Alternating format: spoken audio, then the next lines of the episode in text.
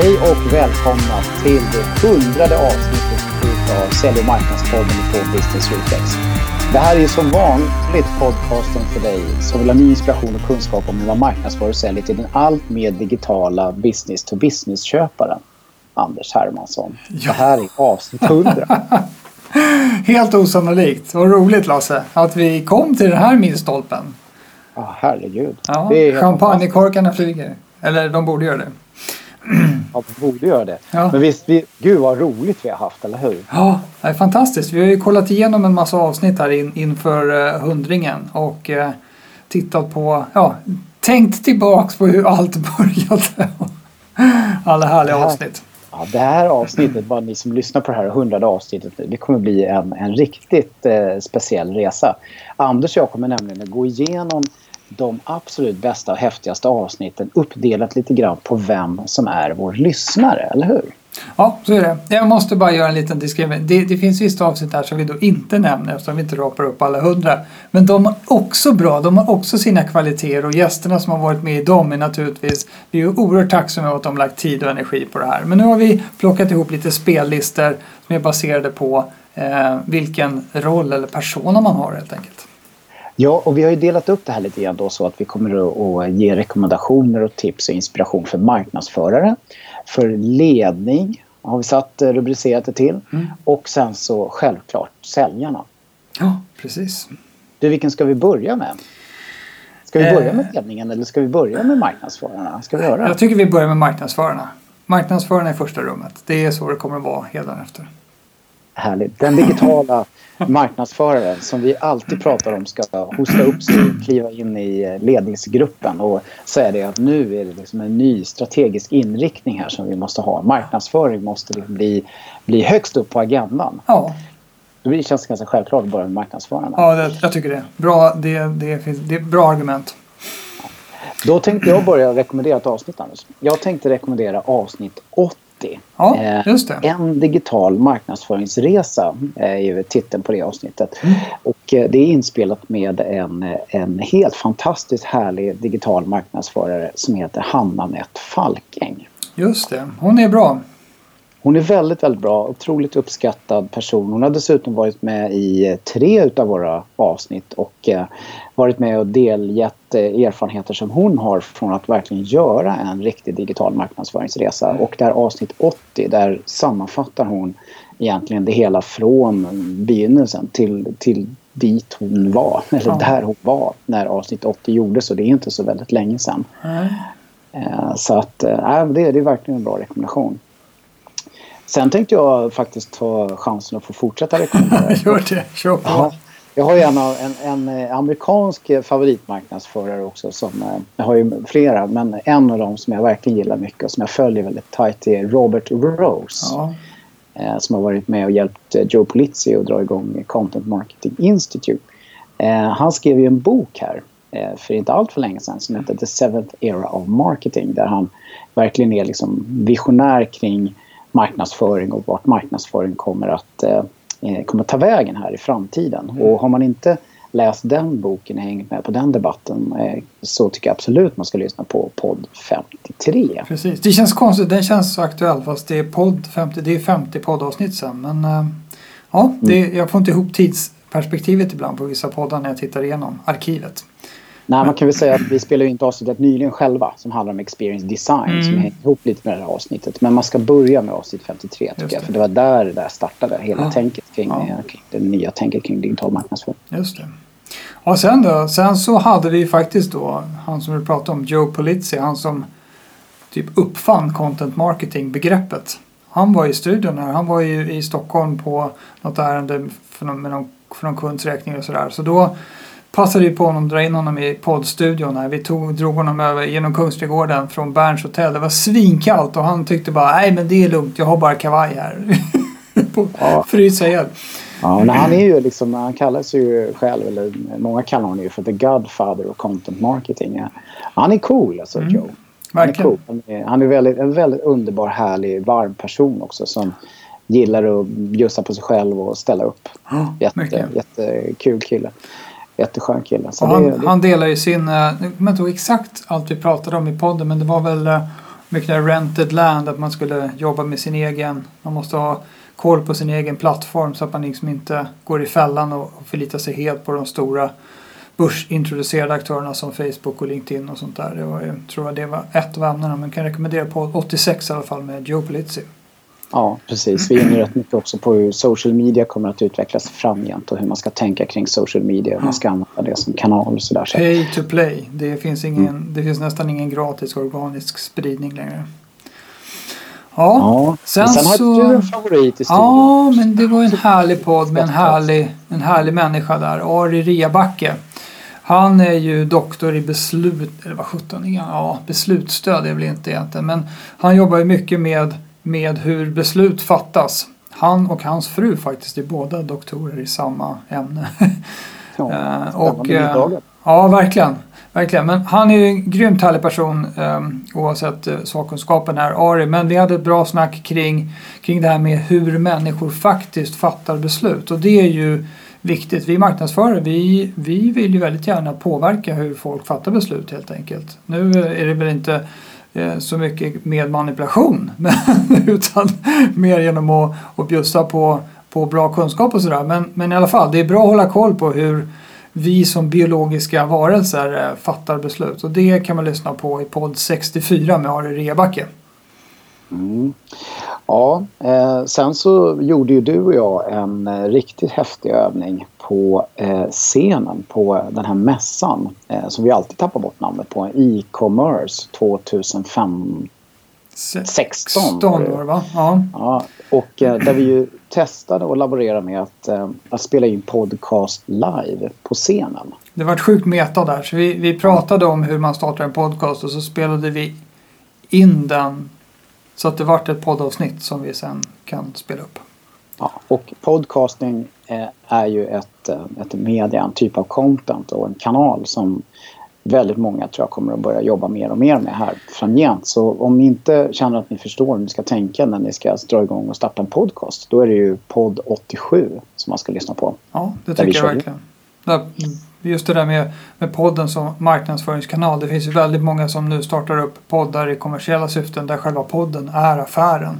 Med sponsorer och eh, annonsering och sånt där inbyggt i podden. Men det här är mycket mer utifrån hur man ska använda det som sin egen, egen kanal. Ungefär som vi gör med den här podden faktiskt. Mm, mm. Precis. Ja, apropå marknadsföringskanaler då. Sen så, eh, det var ju du Anders som gjorde, eller gjorde vi det tillsammans? Jag tror vi gjorde det tillsammans. LinkedIn som marknadsföringskanal. Exakt, vi har ju kört en, en rad eh, så här, seminarier om det där som, som nästan som säljer slut lika fort som en, som en uh, Håkan Hellström-konsert. Uh, och uh, vi gjorde ju eh, även då ett, ett poddavsnitt om, om just att använda LinkedIn som marknadsföringskanal. För det finns en del att tänka på där. Både de, betal, de betalalternativ som finns och även den sociala spridningen på, på LinkedIn via sina nätverk. Så där finns det en del att tänka på. Tänkvärda saker i podd 87, nej förlåt, 47 om LinkedIn. Mm. Väldigt konkret, så här, checklista för marknadsförare som ja, LinkedIn. Exakt. Eh, men eh, vi inledde ju det här eh, när vi började prata om eh, våra härliga marknadsförare, varför vi börjar med att tipsa avsnitt till dem. De behöver ju hosta upp sig och kliva upp i, i ledningsrummen här och, och se till att även marknadsföring blir betydligt mycket mer strategiskt inom framförallt B2B jämfört med vad det har varit. Mm. Och då är det avsnitt 97, alltså det nyligen inspelade avsnittet som är ett måste att lyssna på. Det heter Värdet av digital marknadsföring går att bevisa.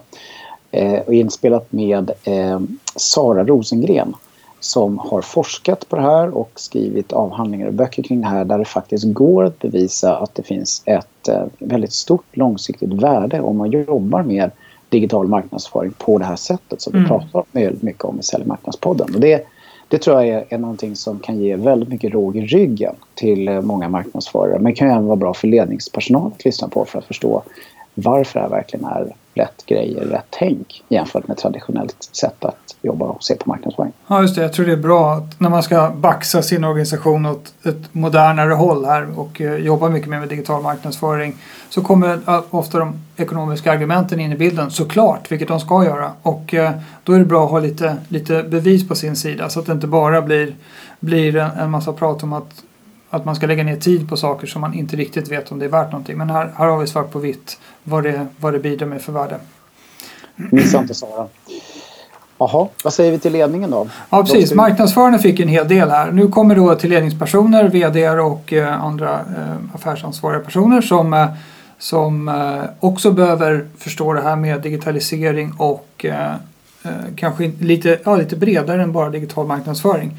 Eh, jag tänkte på det första, vi, vi gjorde ju en, eh, en presentation för ett, ett gäng riktigt tunga styrelsemedlemmar från eh, ja, flertal av de största börsbolagen faktiskt i Sverige. Eh, och eh, det var ju otroligt roligt och där var ju ämnet för det var ju en form av digital audit. Alltså hur ska egentligen styrelsen kunna stötta vdn och egentligen syna också bolaget där man sitter i styrelsen på deras digitala strategi. Eh, och eh, sen eh, så tog vi även den här presentationen som vi hade kört och gjorde ett poddavsnitt av den då, podd 81. Så det är bra alltså för ledningspersoner att lyssna på. Jag, jag tycker att det är ju ingen podd som är exklusiv för något speciellt men vi försöker liksom plocka ut de, de godaste här så man gör en spellista per roll som sagt. Ja, nej, det där är verkligen, eh, ni som lyssnar på det här avsnittet, rekommendera det avsnittet för Sara som, som sitter i, i liksom styrelser, ledningsperson, eh, har ägare, strategiska ansvar. Ja. Eh, det, det är riktigt bra faktiskt eh, på det. Precis. Men sen då så kommer vi till vår kära Ja, första avsnittet. I köket vid Asgatan. Ja. Med datorn framför oss och en gammal madrass. Det var tider. Oj, oj. Vi, vi, vi, eh, vi lyssnar ju på det lite inför det här också. Om det faktiskt om det håller fortfarande. Det gör ju det.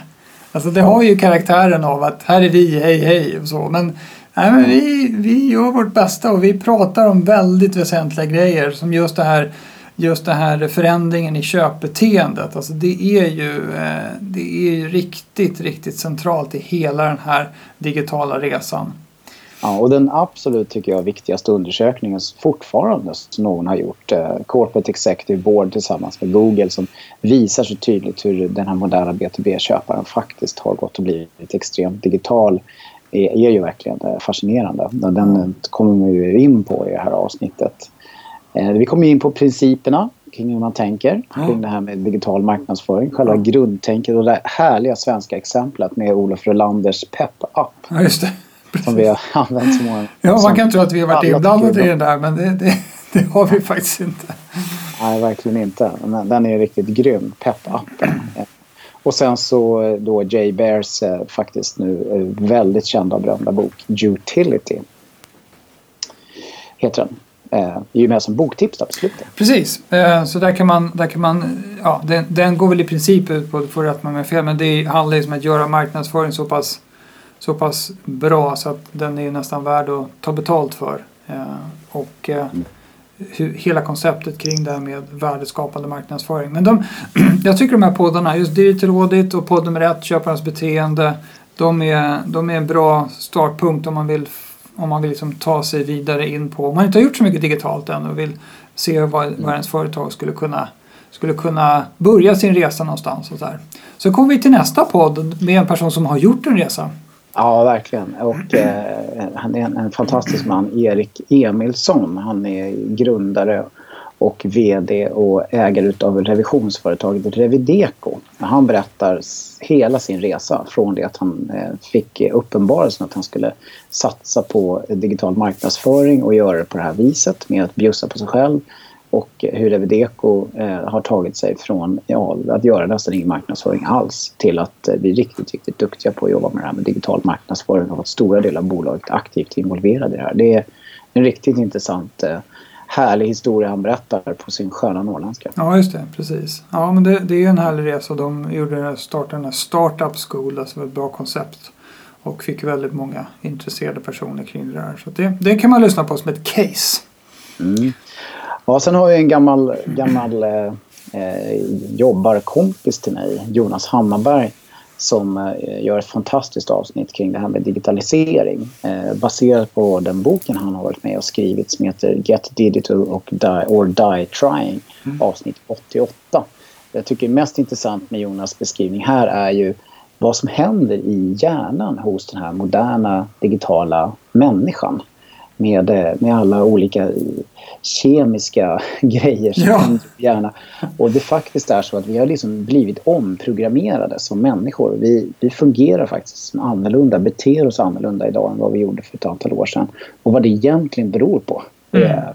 jättehärlig grej han drar där inledningsvis eh, baserat på massa forskning och så som kommer mycket eh, utifrån eh, koncepten kring gamification. Just det. Ja, det är intressanta poddar här. Det, det var ju, vi, eh, vi lyckades få in en del riktigt intressanta personer i podden som pratade om eh, digitalisering. Och det, var ju, det är ett väldigt hett ämne fortfarande. Och det här var ju ett av dem. Då, då.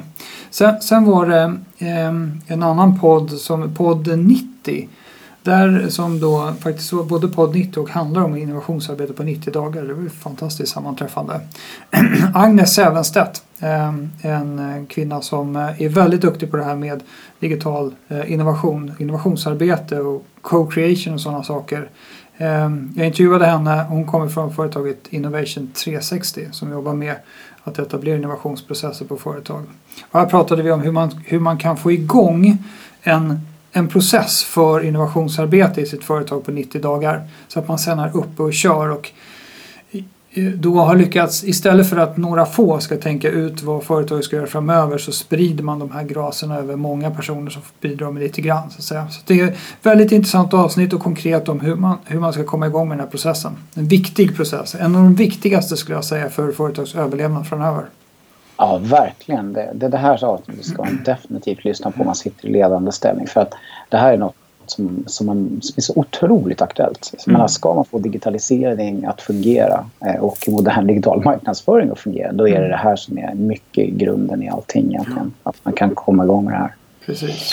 Men man måste kunna leda bolag också genom den här transformationen. Eh, och eh, där hade vi ju, eh, du hade ju en jättekul, eh, bra intervju med en kille, en svensk kille som har släppt en bok. Precis, Joakim ja. Mm. Uh, han var här och vi pratade om, det var ju, det var ju han och uh, din kompis där som... Jonas där. Ja precis, de träffades sen och fick jämföra böcker. så det var, det var ju väldigt, väldigt roligt att ha båda dem i, i eh, podden. Och eh, jag och eh, Joakim pratade om egentligen ett, ett ramverk där, de, där man tittar på drivkrafter, vad, är det som, vad, är det som man, vad man behöver vara på plats och vilken ordning man ska göra saker för att, för att vara redo att, att ta den riktigt grundläggande stora digitala resan som företag. Så det är Joakim Janssons bok där handlar om det och det pratade vi om i den podden. Så den, den är också det är också en sån här riktigt bra eh, lästips om man, om man ska sätta sig in och försöka få lite styr på det här med, med digitalisering. Sen vet jag, vi, vi, har, eh, vi, har, vi, vi hade ju även eh, Linus i podden från, från Cordial där vi pratade om digitalisering, Linus och jag också. Så det, det var ytterligare ett avsnitt som, som jag tycker man kan, man kan lyssna på. Ja, och jag tycker den här uh, boken med Joakim här, det, det, tog inte många dagar efter vi hade spelat in det där avsnittet, eller du hade gjort det, som det, hans bok seglade upp hos en av de riktigt stora kändisarna i den här uh, branschen internationellt, Brian Solis, som Just det, rekommenderade precis. honom. Ja, precis. Det var kul. Jag vet inte om det, om det var lite så co-creation där också. Han är faktiskt med som ett case i boken så han var väl ivrig ja, och rekommenderade. Men det är smart jobbat av Joakim och hans, hans kumpaner där borta. Uh, ja, så det var, det var bra, det är en bra kader med avsnitt om eh, innovationsarbete och digitalisering. Jag, jag, tycker att innovationsarbete behöver ju egentligen inte ha någonting med digitalisering att göra men så mycket handlar ju om digital innovation idag så att de här avsnitten passar bra ihop måste jag säga. Ja, och sen så är det ju så att eh, det blir ju vanligare och vanligare att man bygger bolag kring det här konceptet, the membership economy. Eh, och är man i ledande ställning och så i ett företag eh, och har ett strategiskt ansvar då, då behöver man ju sätta sig in lite grann i tänket kring det där. Du gjorde ju en spännande intervju Eh, kring det här, The Membership Economy. Mm, jag intervjuade uh, det, det, Robbie Kellman Baxter heter, heter en kvinna i Silicon Valley-born. och eh, hon har skrivit boken The Membership Economy där hon tar fram en en, det är en väldigt, väldigt, väldigt konkret bok om hur man behöver tänka och exakt faktiskt vad man ska göra för att, för att eh ska jag säga, att, att, att få till eh, så att man blir ett medlemsföretag. Och det handlar inte bara om att man ska ha subscription-modell för, för sin pris eller för sin fakturering och så, månadsabonnemang och sådana saker. Det finns många olika sätt att ta sig an det här membership economy men, men själva grundtanken är den att man ska ha, kunderna ska känna sig som medlemmar i, eh, i ens företag så att man, så man har en gemensam eh, vad ska jag säga, vad heter det, gemensamt syfte med sina kunder och sådär. Så, så väldigt intressant bok och ett bra snack med, med eh, Robbie om det där. Så den, den är också väldigt bra ur affärsutvecklingssynpunkt um, och när man tänker lite strategiskt på vad bolaget är på väg någonstans. Så den vill vi också rekommendera till ledningspersoner. Du, eh, säljarna sen då. Om vi skulle ta och eh, eh, komma med lite rekommendationer för dem. De har ju inte lätt Anders, eller hur? Vi får inte glömma de stackars säljarna. Nej, Absolut inte. De kämpar på där ute. Ja, och, det gör de eh, verkligen. Ja, de har det tufft. De, ja, faktiskt. De påverkas mycket av, av det här. Det, det är väl lite grann som så att eh, vartefter det har blivit mer och mer intressant att vara marknadsförare med alla de digitala möjligheterna som finns så har det blivit lite, här, lite kämpigare för, för säljarna. Eh, så, så, att eh, jag, jag, jag, är helt övertygad om att det behövs kvalificerade säljare inom business to business men de behöver ju jobba på lite nya sätt.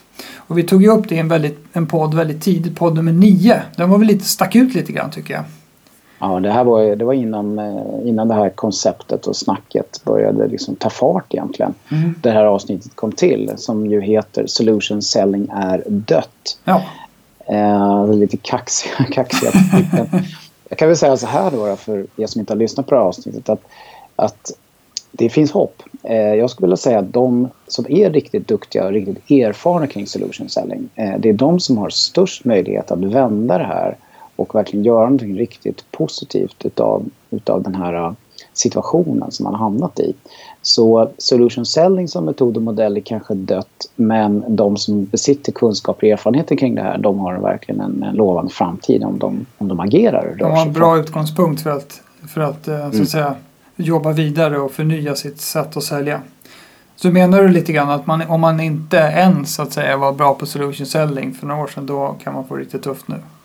Ja, jag tror att många har någon, någon, eh, någon, någon sorts eh, tro att det är de yngre eh, säljarna som kanske är eh, födda i den här digitala världen som har bäst förutsättningar. Mm. Men jag skulle vilja påstå att det inte är det. Utan det är de som verkligen har en härlig, lång, gedigen kunskap kring hur man jobbar effektivt med metoderna, modellerna, koncepten kring solution selling som har bäst förutsättningar. De behöver lära sig ett nytt tänk. De mm. behöver lära sig lite nya verktyg och, eh, och så. Men det är en lättare resa än att, eh, än att bygga upp hela den här genuina kunskapen som ändå ligger till grunden för att bli framgångsrik med solution selling. Intressant. Så. Men om man då inte ska hålla på med solution selling för att det är dött som vi har konstaterat redan i podd 9 då ska man göra något annat ställe, eller hur? Ja, då är det social selling som gäller. Och eh, där gjorde vi ju ett avsnitt som heter Social selling i praktiken. Mm. Eh, som eh, det här var också väldigt tidigt eh, när det, den här typen av tankar eh, började formas. Man började prata mer om det här som vi gjorde det här avsnittet. Eh, men vi kom ju in på en del rätt praktiska tips där om hur man ska bete sig om man ska lyckas i, i, i framgent här. Och mm. eh, anamma då vidareutveckling av solution selling som ju i det här fallet kallas för social selling. Precis. Och vi, gjorde, vi har gjort utbildningar i det där, utbildat säljteam och vi har haft seminarier på ämnet och eh, webbinarier och sånt. Mycket, mycket eh, omtyckt ämne, skulle jag säga, populärt bland besökarna. Och det där, det där avsnittet där vi verkligen försöker, som vi alltid gör i podden i och för sig, försöker vara konkreta och ge någonting, ge någonting konkret för, för lyssnarna att ta med sig. Det, ja, det, det är ett bra avsnitt om, om eh, social selling. Ja, precis. Och sen finns det ju fördjupningar kring det där också där man kan gå in och titta mycket mer på hur man ska använda LinkedIn och Twitter och andra typer av verktyg väldigt konkret. Det här är mer principerna eh, mm. för tänker kring eh, eh, social selling. Eh, ja, och sen då så är det ju så här att, att ska man bli riktigt framgångsrik eh, säljare i den här digitala världen så måste man ju ha eh, ordning och mycket bättre, djupare förståelse för att man ska utveckla ett digitalt personligt varumärke. Mm. Så då tog vi raskt in eh, en expert på det området faktiskt in i studion eh, som vi intervjuade. Och eh, hon heter ju så mycket som Ah, oh, Anna-Karin Linghem hon var med i det här avsnittet. Så vi gör en intervju med henne. Hon har skrivit lite böcker och håller föredrag och utbildningar kring hur man bygger personliga, starka digitala varumärken. Så det pratar hon om där. Ja. Avsnitt 20. Ja. Så det ger en bredare bild av det där med varumärket, hur man, hur man bygger det digitalt. Då. Det, är en bra, det är en bra koppling till säljarna, alltså, och social selling och det, det digitala varumärket. Man ska bli en auktoritet inom sitt område. Ja, ja, shit, det var tre spellistor. En för marknadsföraren, en för ledning, vd och, så, och en för säljare.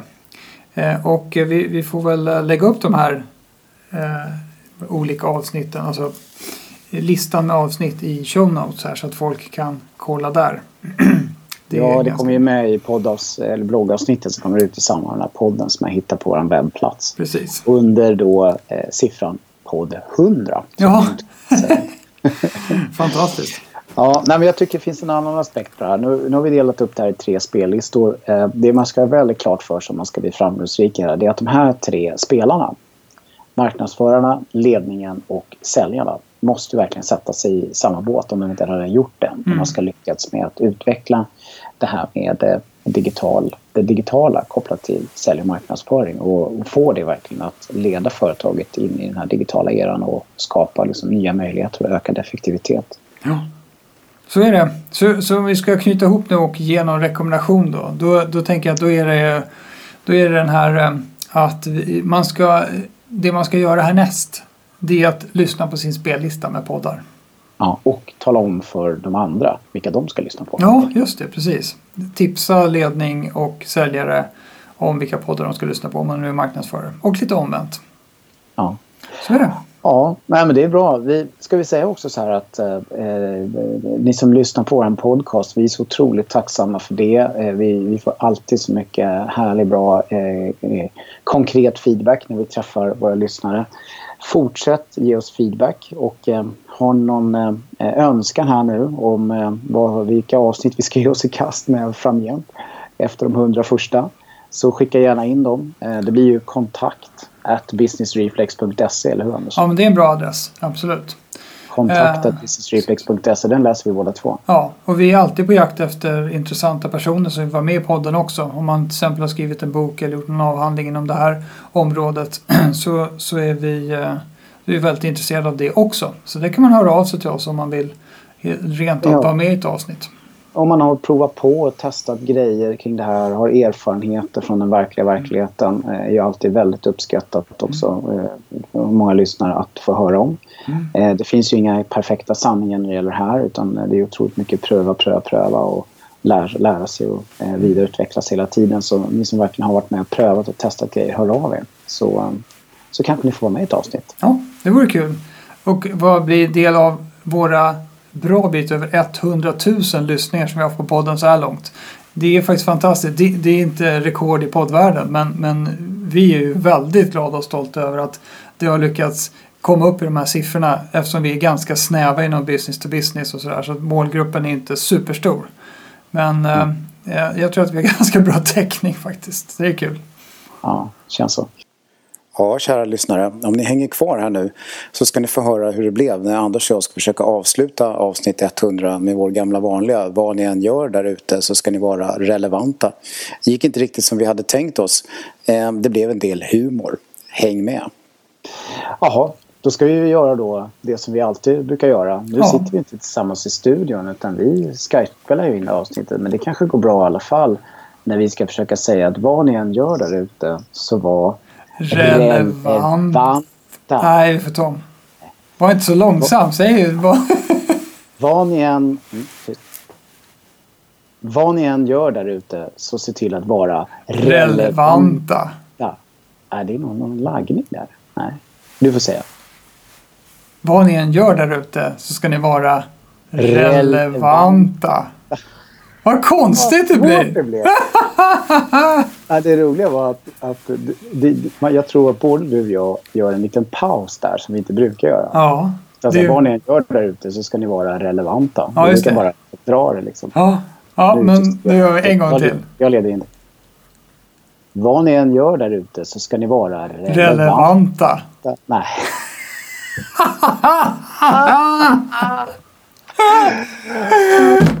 Ett, två, tre relevanta får vi göra. Ja, vi gör så. Okej. Ett.